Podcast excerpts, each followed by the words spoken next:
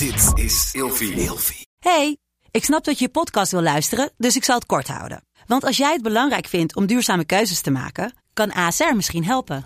Nou hoor ik je denken, hoe dan? Nou, bijvoorbeeld bij het duurzaam herstellen van schade. Of de premies die we beleggen volgens ons duurzaam beleggingsbeleid. Dat bepaalt waar we wel en juist niet in investeren. Wil je meer weten over welke duurzame keuzes ASR maakt? Ga dan naar asr.nl slash duurzame keuzes. ASR doet het. Zo, dan kan je nu lekker naar je podcast luisteren.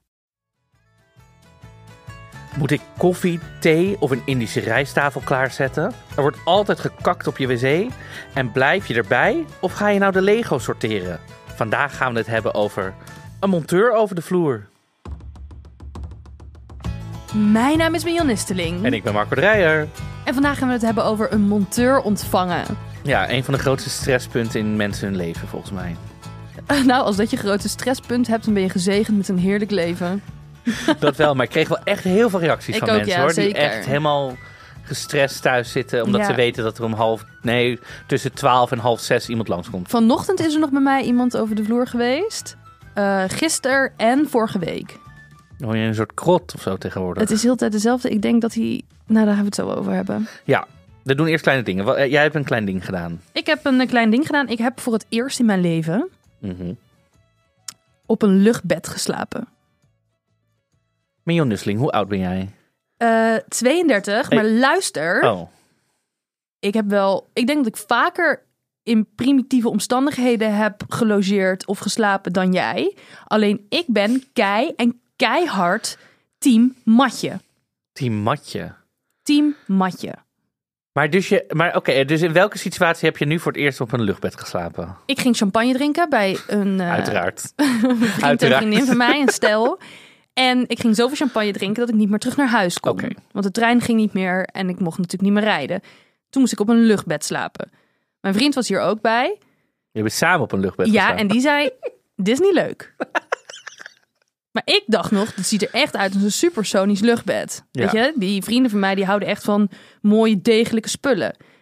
Goedkoop is duurkoop, weet je, die denken wij kopen Ja. echt een degelijk Met luchtbed. zo'n zachte, beetje nog bovenkant. Weet je, niet zo plastic. Nog. Ja, ja, oké. precies. Niet zo eentje voor in het zwembad, maar echt eentje met een stopcontact en eh, nou, allemaal gedoe.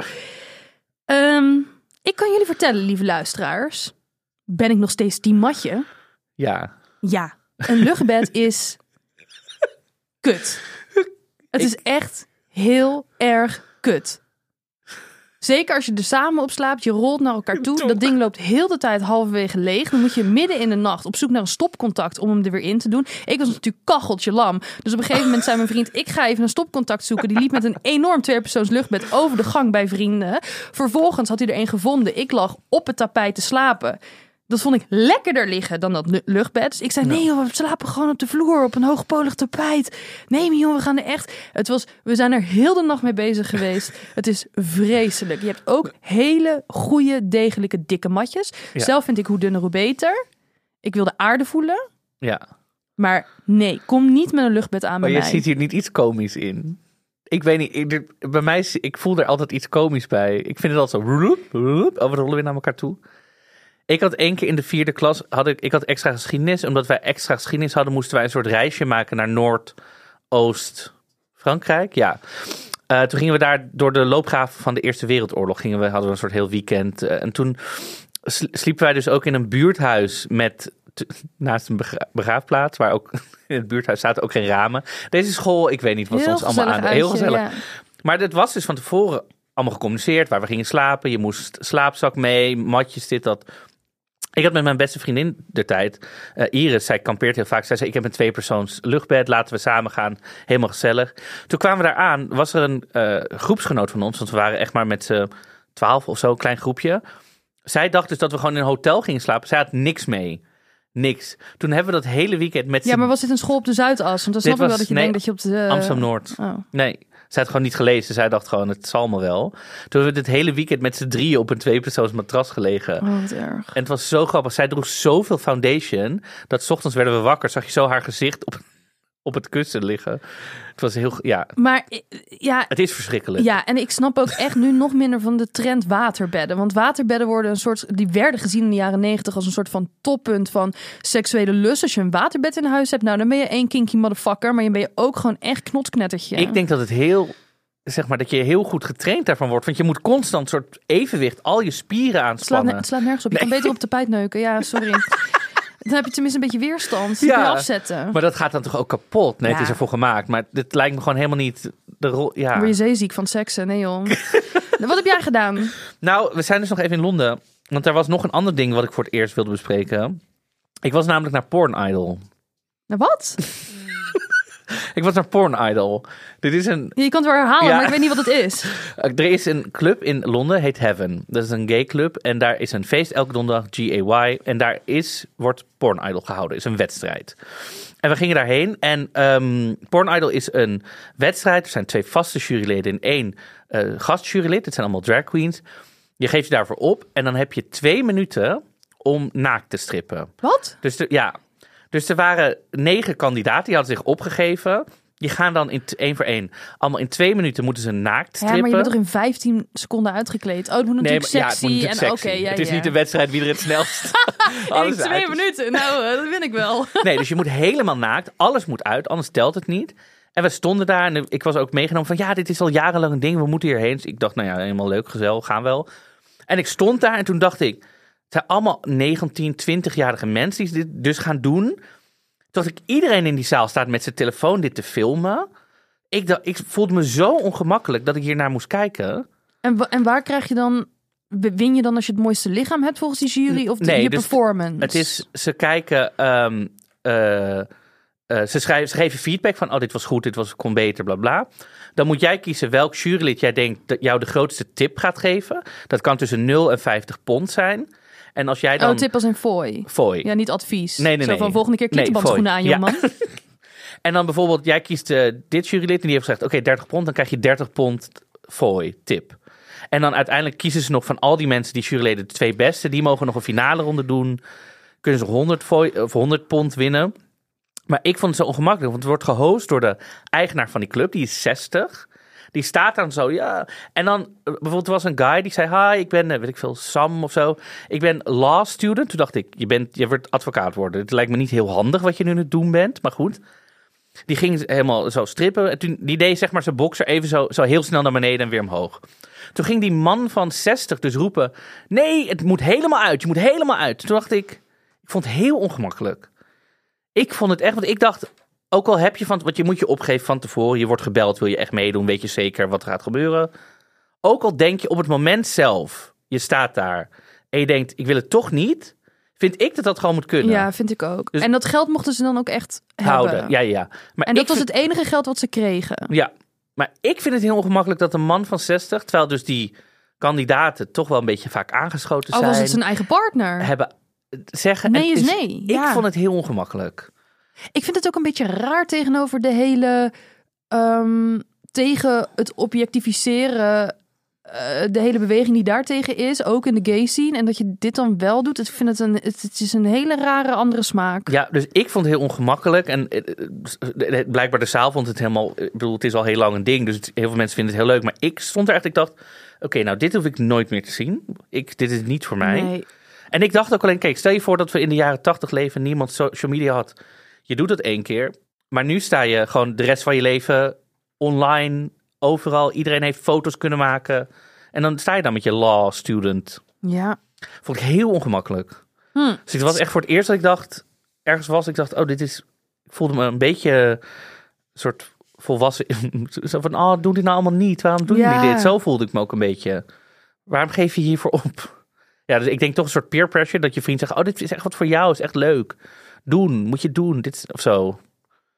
Jeetje, ik moet het even laten bezinken. Ja, wat 50 pond, dat is niks. Nee, dat is echt heel weinig. Dat Ja. is 70 euro of zo. Ja, maar dat, bedoel, voor de leuke ervaring, kan wel andere dingen bedenken die net zo leuk zijn. Levens- Ik kan echt weinig dingen noemen die ik zou doen voor 70 euro. Laat staan naakt op een podium staan. Nee, precies. Dus dat was mijn eh, soort eerste... Dat ik dacht, oh, ik voel me heel ongemakkelijk. En ook een beetje zo viezig voelde ik me. Ja, ik snap Gewoon een het. beetje. Ja, want jij bent dan ook eigenlijk een soort van dat aan het goedkeuren door daar te staan. Ja, Ja. en terwijl ik ben heel erg voor de body positivity en vier je lichaam, maar niet zo. of nee, zo. ik begrijp het helemaal. En vooral omdat ze dan zo jong zijn. Kijk, als het iemand is van 30 die besluit om stripper te worden, Ja. lof, doe het. Heb je wel eens een monteur over de vloer gehad die opeens binnen twee minuten al zijn kleren uittrekte? Gelukkig niet. Trok, uittrekte. Uittrok? Nee, gelukkig niet. Nee. Jij wel? Mm, nee. Nee. Ik heb wel meegemaakt dat ik heel erg moest helpen. Om zijn kleren uit te trekken. Nee, Oh, met de klusjes Met de waar hij voor kwam. Ja, weet je nog ehm, je allereerste monteur over de vloer? Ehm, ja, volgens mij was dat vorig jaar. Dus dat is niet zo lang geleden. Heb je dat zin om was, mij eh, daar wat meer over te vertellen? Nou, misschien. Ehm als we een hele korte podcast. Nee, ik had eh, lekkage. Of in mijn cv-ketel, die eh, liep. Dus ik deed daar water bij. Die liep binnen een kwartier leeg. Dus dan is er erg een lekkage. Toen heb ik heel veel moeite moeten doen om een afspraak moeten, te maken met deze instantie die hiervoor verantwoordelijk is. Want ik heb een sociale huurwoning. Dus dan moet je altijd via de woningbouw. Eh, die zij werken bepaald, samen met bepaalde bedrijven. Er was een enorme wachtrij, dus dat heeft echt heel lang geduurd voordat ik een afspraak had. Toen kwam er iemand die zei, ik ga het bijvullen. Toen zei ik zo, ja, het is zo leeg. Toen zei hij, nee, het komt goed.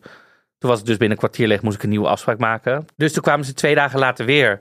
Toen hebben ze het ehm, eh, weer gefixt, maar toen kwamen ze dus achter dat er een lekkage was.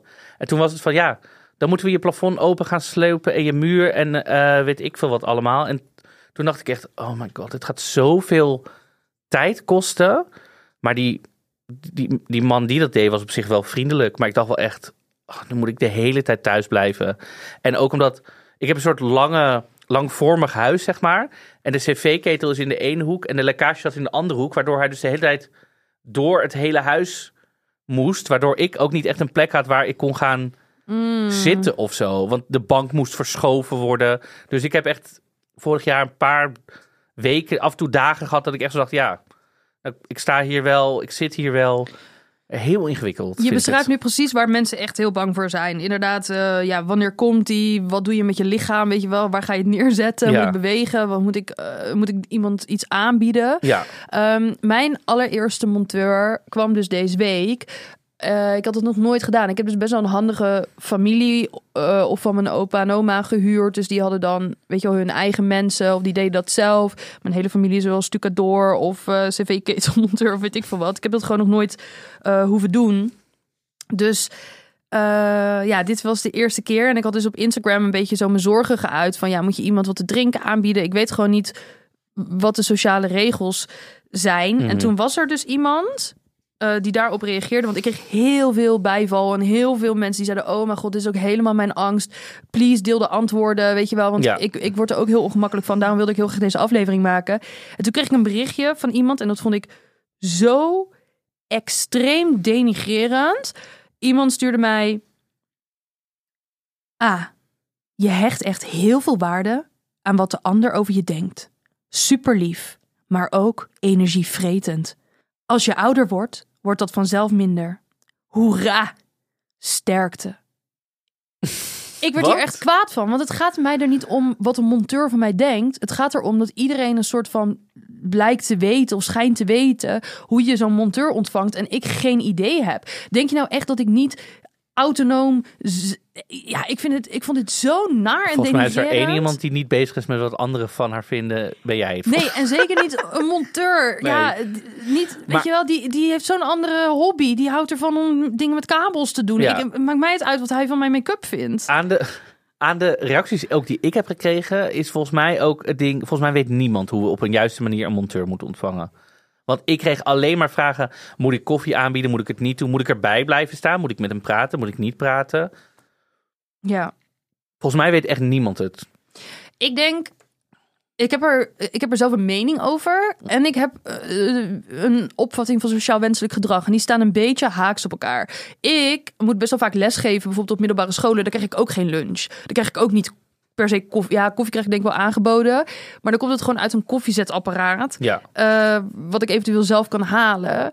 Ik vind dat als je ergens een uurtje over de vloer bent, ja, moet je dan per se iets aangeboden krijgen. Aan de andere kant is het misschien wel netjes, dus je kan het wel doen. Ehm, Ik vind ook, het hoeft, niks hoeft. Ze komen om iets te fixen. en ze worden betaald. Ja, dus in principe hoeft het niet. Nee, Als je het hebt, je kan het doen. Mijn probleem is, of nee, probleem niet. Ik drink geen koffie. Ik heb geen koffieautomaat. Het is niet eens in huis. Dus als vaak, ik heb wel eens gedaan dat ik dan zei, kan ik je- dat met de fout, kan ik je wat te drinken aanbieden? Want dan krijg je het altijd als antwoord koffie, altijd. Ja, dan krijg je dus al de, ik drink geen koffie, wil je thee? Maar thee is alweer water koken. Welk smaak je dan? Zakje erin? Moet ik herinneren? Hey, pas op je, is dat te ingewikkeld eigenlijk? ja. Dus je, je- als je het doet, moet je eigenlijk meteen zeggen... Ik bedoel, als je in mijn geval zoals geen koffie hebt, kan je beter zeggen... Kan ik je een glaasje water of zo aanbieden? Of misschien als je wat anders hebt. Of cola, of wat je Ja, dan ik, heb hebt. dus ook, ik drink wel heel veel koffie, maar ik drink dat niet met melk en ook niet met suiker. En dat gebruik ik ook niet, dus dat heb ik niet in huis. Dus dan zou ik moeten zeggen, hoi, kan ik je een zwarte koffie aanbieden? En als iemand Ja. zegt, nee, ik wil graag cappuccino. Of nee, ik wil graag met suiker. Ja. Oh, ja, eh, Dat dat, heb ik gaat niet. niet. Ik ga echt niet dat altijd een pak melk en, en suikerstaafjes in huis houden. Ja, zijn er mensen die Ja, doen? iemand zei, tip, je kan altijd melkcupjes en suikerstaafjes in huis hebben. Die zijn lang goed en dan kan je altijd mensen wat aanbieden. Nou, dan ben ik dus een heel ongastvrij, ongezellig mens. Ja, maar daar heb ik dus geen zin in. Ik, heb dat, ik zou het ook niet doen. Nee, sorry. Ik, het is mijn huis. Diegene, die, ik betaal diegene om dit klusje te doen. En tuurlijk, je kan wel iets, je kan wel iets aanbieden, maar ja, ik ga niet Zal ik jou eens even lekkere mimosa inschenken? Ja, ehm, er was iemand die is monteur, die in mijn DM Oh. is geslide. En die zei, Oh. ja, dit is wel erg, want dit is precies waar mensen bang voor zijn. Mensen zijn namelijk bang dat hun huis te vies is of Ja. dat ze daar iets van vinden. Deze monteur zei, ik drink eigenlijk niks wat niet uit een pakje of uit een blikje komt. Dus ehm, ik vind het fijn als mensen me bijvoorbeeld een blikje cola aanbieden of een blikje sinaas of een blikje spa Eh, en ik zou niet zo snel koffie drinken. Anderen hebben daar misschien helemaal geen moeite mee. Hè? Die doen dat wel. Ehm, maar deze monteur dus niet. En die zei, ik ga ook geen koekjes eten als ik niet zie dat het uit de verpakking gehaald wordt. En daar kon ik me eigenlijk, eigenlijk ook best wel in vinden. Als iemand met zelfgebakken kokosmacaronen aankomt of zo. Ja, weet ik veel wie daar met zijn lul in heeft staan roeren. Ja, dat, ja, maar dat zijn gedachten die ik zelf heb. Ja. Dus ik kan me voorstellen dat anderen dat ook niet willen. Nee. Dus je kan hierop anticiperen door inderdaad, als je weet dat er een monteur komt, misschien inderdaad dan koffiecupjes te halen. Of hoe heet dat? Melkcupjes. Of Ja. bijvoorbeeld een blikje cola. Maar om nou een heel buffet voor iemand neer te zetten die gewoon per uur betaald wordt om jouw oven te repareren. Ik heb hier een Indische rijsttafel voor je uitstaan. Dit zijn de vega-opties, de vegan-opties. Dit is zonder melk. Dit is zonder, weet je wel. Kijk, hoe meer je diegene aanbiedt, des te langer die gaat doen Ja. over de klus waarvoor die komt. Ja. En uiteindelijk wil je toch dat iemand zo snel mogelijk weer... Weer op.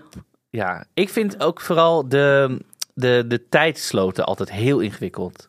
Want het is nooit, we komen om 11 uur. Het is altijd tussen, ik, eh, vorige week was er ook voor controle iemand bij mij. En toen was het, we komen tussen 8 en 1. Ja, maar dit is logisch. Hoezo is dit logisch? Omdat ze bij de, bij de andere krijgen ze misschien die Indische rijsttafel aangeboden. En dan duurt het allemaal lang. Ze kunnen geen reële inschatting maken van hoe lang het gaat duren. Maar tussen 8 en 1, dan ben je of de eerste van de dag, of eh, als je de eerste van de dag bent, dan kom je toch om 8. Punt. Dan begin je toch met werken. Ja, ik snap het niet. Je kan toch gewoon een planning maken en Nou, ik had dus een monteur voor de oven. En die kwam erachter dat de scharnieren die hij bij zich had niet de juiste waren. Toen moest Ja. hij weer bellen naar dat hoofdkantoor, weet ik veel hoe dat heet. En toen moest hij, weet je wel, weer administratie extra doen. En dat duurde dus allemaal totaal een half uur langer dan dat hij verwacht had. Ja, dan, als hij dan ook nog koffie van mij had gekregen, ja, dan heb je toch een uur uitloop. Ja, ik weet niet. Het moet beter kunnen. Ja. Want ik moet gewoon hele dagen vrij nemen. Om, om, zit ik weer thuis, terwijl ik ergens heen had gekund om te filmen of zo. Ik vind het gewoon lastig. Ja, ik heb nog wel een tip voor monteurs die luisteren. Ja. Een vriendin van mij die bouwt dus kasten bij mensen. En die geeft in de mail vooral al aan dat ze zelf voorzie- voorzienend zijn. Dus zij zegt, we hoeven geen koffie en thee. We hebben ons eigen thermosflesje mee. Eh, we vinden het lekker om in rust te kunnen werken. En dan zijn we zo snel mogelijk weg. Dit moeten monteurs gewoon ja, doen. top. Aan de andere kant. Ja. Monteurs die te lang blijven zitten. Probeer eens om te denken. Misschien is deze persoon wel eenzaam. Eh, en vind jij het dan nog, we- nog steeds irritant dat diegene heel lang blijft zitten en drie koffie wil drinken? Maar misschien maak jij wel de dag van diegene en probeer het dan in je hoofd te framen. Als in dat jij iemand hebt geholpen. De waarheid doet er dan niet toe. Nee, maar dit is te ingewikkeld. D- dit is gewoon een. Dit, nee. Het is toch een handig verzinsel? Ja, maar kom op. Dat kan toch niet? Zo, dat- ik bedoel, dan kan je zeggen, hey, trouwens, ik ga zo meteen met vrienden eten. Heb jij trouwens zo nog wat? eh wij gaan zo bolen. nee. Ben jij goed in bolen? Ja, maar dan kan je het helemaal doortrekken. Oh, heb je de ja. gezien? Hey, De trouwens, ik ben ook single. Zullen we anders even naar het gemeentehuis? Dan doen we meteen een ring erom. Ja, ik bedoel, je hebt net die scharnier erom gedraaid. Doe er nou maar een ring omheen. Ik bedoel, wat, dan kan je het helemaal door. Oh, dat is van. Rembo Rembo, toch? Is de dat zo? Ja, zoek dat even op op YouTube, jongens. Dat posten we ook wel op Instagram. De föhn. Van, dit is precies de föhn. Oh, ik ja, heb dit, eh, dit geen idee. Echt heel leuk. Ehm, er is nog een probleem. Er is nog een probleem. Ik had dus... ehm, deze monteur is dus drie keer bij mij geweest deze week. De eerste keer had ik geen muziek opstaan. Oké. En dat was best wel awkward, want hij hoorde mij kauwen. Oh nee, ja, dat was ook nog zoiets. Ik heb dus niet echt iets te eten aangeboden, maar toen was ik dus aan het kauwen en toen dacht ik, shit, nu zit ik iets te eten en dan is het opeens heel onaardig als ik niet deel. Dus toen heb ik besloten om zelf ook niet meer te eten. Ja. Maar je kan, als jij gewoon je lunch moet eten. en hij, weet het is eigenlijk gewoon totaal overdacht. Ja, Want deze persoon is gewoon aan het werk. En die gaat daarna een broodje waarschijnlijk in zijn bus eten. Want die heeft hij gewoon mee van huis. ja, En jij zit die Indische rijsttafel te eten daar gewoon. ja. En toch ben ik gestopt met kauwen. Ja. Maar goed, dus ik, ik ehm, en toen dacht ik, oh ja, dit, dit is awkward zonder muziek. Dus hij komt volgende week weer, dan ga ik muziek opzetten. Ja. Maar ik luister dus ochtends altijd naar een soul playlist. Dus ik had die playlist gewoon opstaan. Die heb ik op laten staan. Maar dat was allemaal best wel Zwoele muziek. zwoele muziek. en toen dacht ik, nee, dit is het ook niet. En ik voelde me opeens super Nee, je ongemakkelijk. moet 100% NL opzetten. Nee. Nee, want hij, het was niet een man die eruit zag alsof hij van 100% NL Nee, hield. daarom. En ik hou er ook niet van. Dus ik ga die... kwijt. Weet je wat ik toen op heb gezegd? Nou. liftmuziek. Ik dacht, dat is heel net. Ja, maar ik denk als ik een playlist van mezelf op ga zetten die ik heel leuk vind. Ik luister best wel naar metal en zo. Dan maak ik die man ook niet blij mee. Dus ik dacht, wat is het meest neutraal? Ja, liftmuziek. 100% NL. Ja, dit is misschien best een goede tip. Ja, dan krijg je gewoon Suzanne en Freek en zo. Van die, weet ik veel. Ik, ik wilde iets gaan zingen, maar dat weet ik helemaal niet. Ja, Weet ik veel. Dan dat krijg je ga gewoon ik, van ik die... ga dat even opschrijven. Weet je, dan hoor je af en toe zo'n radiopresentator gewoon er doorheen praten. Ja, eh, een beller met iemand die een verloren kat heeft of zo, weet ik veel. Het gaat gewoon nergens over. Dus dan heb je wel iets opstaan. Dan is er iemand al op de achtergrond aan het praten. Hoef je ook niet te veel te praten. Weet je wat ik later ben gaan doen? Ja, Ik heb mijn laptop opengezet met zeg maar de scherm afgedraaid van hem. Dus dat Ja. hij alleen maar naar het Apple ja. keek, zeg maar. En toen heb ik een headset opgezet. En toen ben ik echte meisjes in de jungle gaan kijken. En heb ik af en toe een beetje zo met mijn handen getypt. toen dacht hij dat ik aan het werk was. Ja. Maar ik was gewoon tv aan het kijken op een ander, op een ander elektrisch apparaat. Oh ja, nee, maar dat is dan toch prima. Je kan toch ook zeggen, hé, hey, ik moet gewoon even werken. Eh, als je wat nodig hebt, dan, eh, dan hoor, ik, hoor ik het wel of zo. En ehm, wat doe je aan als er een monteur over de vloer komt? Ik denk dat dat wel een goede tips die we mensen moeten meegeven. oei. Ik had een ketelpak aan. Gewoon zo'n hip ketelpak. Ja. En toen kreeg ik ook heel de tijd moest ik helpen. Hij schatte Ja. mij door dat ketelpak zo goed in. Hij zei, tijd- heb jij nog een M3-moer voor mij? Want eh, jij dacht, Nee, hij had serieus echt sommige gereedschap niet bij zich. En dat kwam uit mijn eigen gereedschapskist. ik heb geen eens een gereedschapskist. Ik had dit ook vorig jaar. Zei hij, heb jij toevallig voor mij een tang of zo? Zei ik zo, nee. Hij zei, heb je een schroevendraaier? Nee. Dacht ik, dat heb je. Ik heb dat niet. Ik heb gewoon niks in huis ook, gewoon nul. Ik, dat moet jij gewoon hebben. Een rare amateur hoor, dit. Wie die guy? Ja, Ja, hoe kwam je daaraan? Ja, oh, via de woon. wo- Ja, want ik denk ook, waar haal je een monteur vandaan? dan moet je dus bij mij niet zijn, want ik via de woningbouw. Ik bel gewoon, er is iets kapot en dan komt er iemand. Ja, wij ehm, voor de oven hebben we gekeken naar het merk. En toen naar een website met verzamel, een verzamelsite aan monteurs. En dan nemen zij ook de verantwoordelijkheid voor de factuur en dat soort Ja, dingen. Dus dan weet je ook dat je een beetje een normale monteur krijgt... in plaats van iemand via Marktplaats die ook iets eh, uit je kluis meeneemt. Of, eh nou, kan natuurlijk altijd gebeuren. Of eh, weet ik veel, aan je zit. Of weet ik veel Ja. wat er allemaal kan gebeuren. Ja, want dat kreeg ik ook. Heel veel mensen voelen zich onveilig als er een monteur over de vloer komt. Echt heel onveilig.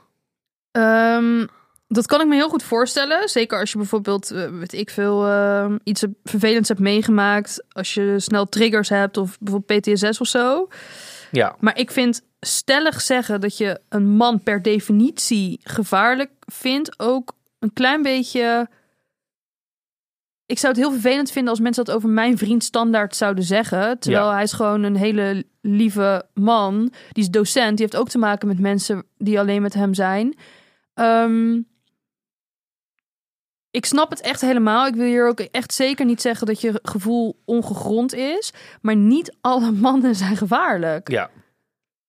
Eh, En ik denk wel dat je kan zeggen tegen iemand, bijvoorbeeld tegen de buren of tegen je partner of wat dan ook. eh, de monteur komt nu. Eh, de monteur is nu weg. Ehm, dat je weet dat je altijd snel naar buiten kan of zo. Maar ja, ik vind niet dat alle mannen het verdienen om in een hoek van een potentiële verkrachter gezet te worden of zo. Snap je wat ik bedoel? Ja, ja, ik snap wat je bedoelt. Ik zou mensen als tip willen geven, zorg dat je even met iemand gaat bellen, gewoon lekker. Dat klinkt misschien ongeïnteresseerd naar die monteur, maar als het voor jouw gevoel beter is, dat je gewoon al bellend al de deur open doet als aanbellen. Dat je gewoon zegt, oh ja, dat je gewoon aan het praten bent met een vriendin van, hey, dit en dit en zo. Dan doe je even de deur op, zeg je, wacht even, ik ga, laat even de monteur binnen. Zeg je, hey, mijn oven is kapot, kijk, hij is hier. Ehm, ik ben even met een vriendin aan het bellen zoals wat is, dan hoor je het. Dan weet hij, er wordt iemand gebeld. Hij kan gewoon lekker zijn gang gaan. Jij bent lekker aan het bellen en dan blijf je gewoon doorlullen tot hij weer weg is of zo. Ja. ja, en ik denk dat als je het via een eh, bedrijf doet, dus bijvoorbeeld zo'n verzamelsite waar wij een overmonteur vandaan hebben gehaald, ik denk dat die mensen toch ook gewoon gescreend worden of een eh, verklaring van goed gedrag moeten laten zien. Ja. Of, ehm, Nou ja, en daarna, de- daarna hebben ze nooit meer werk via die site. Via die, de- als er iets zou gebeuren, dan zijn ze al. Dus dan, dan moeten ze al zoveel drempels over, zeg maar, ja. om iets te doen. Ja, Ehm, iemand zei, veel monteurs zijn bang voor de hond omdat het in bepaalde culturen bijvoorbeeld eh, dat ze honden niet zo gezellig vinden Ja. als dat wij dat eh, soms vinden. Vinden. En met wij bedoel ik jij en ik. ja. Ehm, ja, ik doe altijd eh, mijn hond Pepijn, wie er ook komt, direct met zijn riem vast aan de mand. En dan zeg ik bij de deur, ik heb een hond, ik heb hem voor je vastgemaakt. En dan zeggen sommigen direct, dankjewel. En andere mensen, dus het, kunnen, het Ja. kan natuurlijk van alles zijn. Ook bezoek, andere- ik moet ook bij bezoek. Oh, Oh nee, joh, doe los, ik hou van honden. Ja, precies. Maar je moet eigenlijk niet de vraag stellen van, wil je dat ik dit doe? Want eh, nee, want dan voelen mensen zich opgelaten van, oh, nee, ja. weet je wel. Nee, ja, inderdaad, ja. Wat zijn goede onderwerpen? Want dat vroeg iemand ook. Hebben jullie tips om, als je toch de behoefte, of dat je denkt, dat je je opgelaten voelt, dat je denkt, ik moet met een monteur praten. Wat zijn goede onderwerpen om gewoon even, Oh, Ja. God. Mijn moeder. Mijn moeder heeft een vriend. ja. Ehm, hij lijkt op Thomas Akda. Datzelfde slomige, snap je wat ik bedoel? Ja. En hun wasmachine was kapot Oké. van eh, Thomas Akda en zijn vrouw. En Te veel erop gezeten, of niet?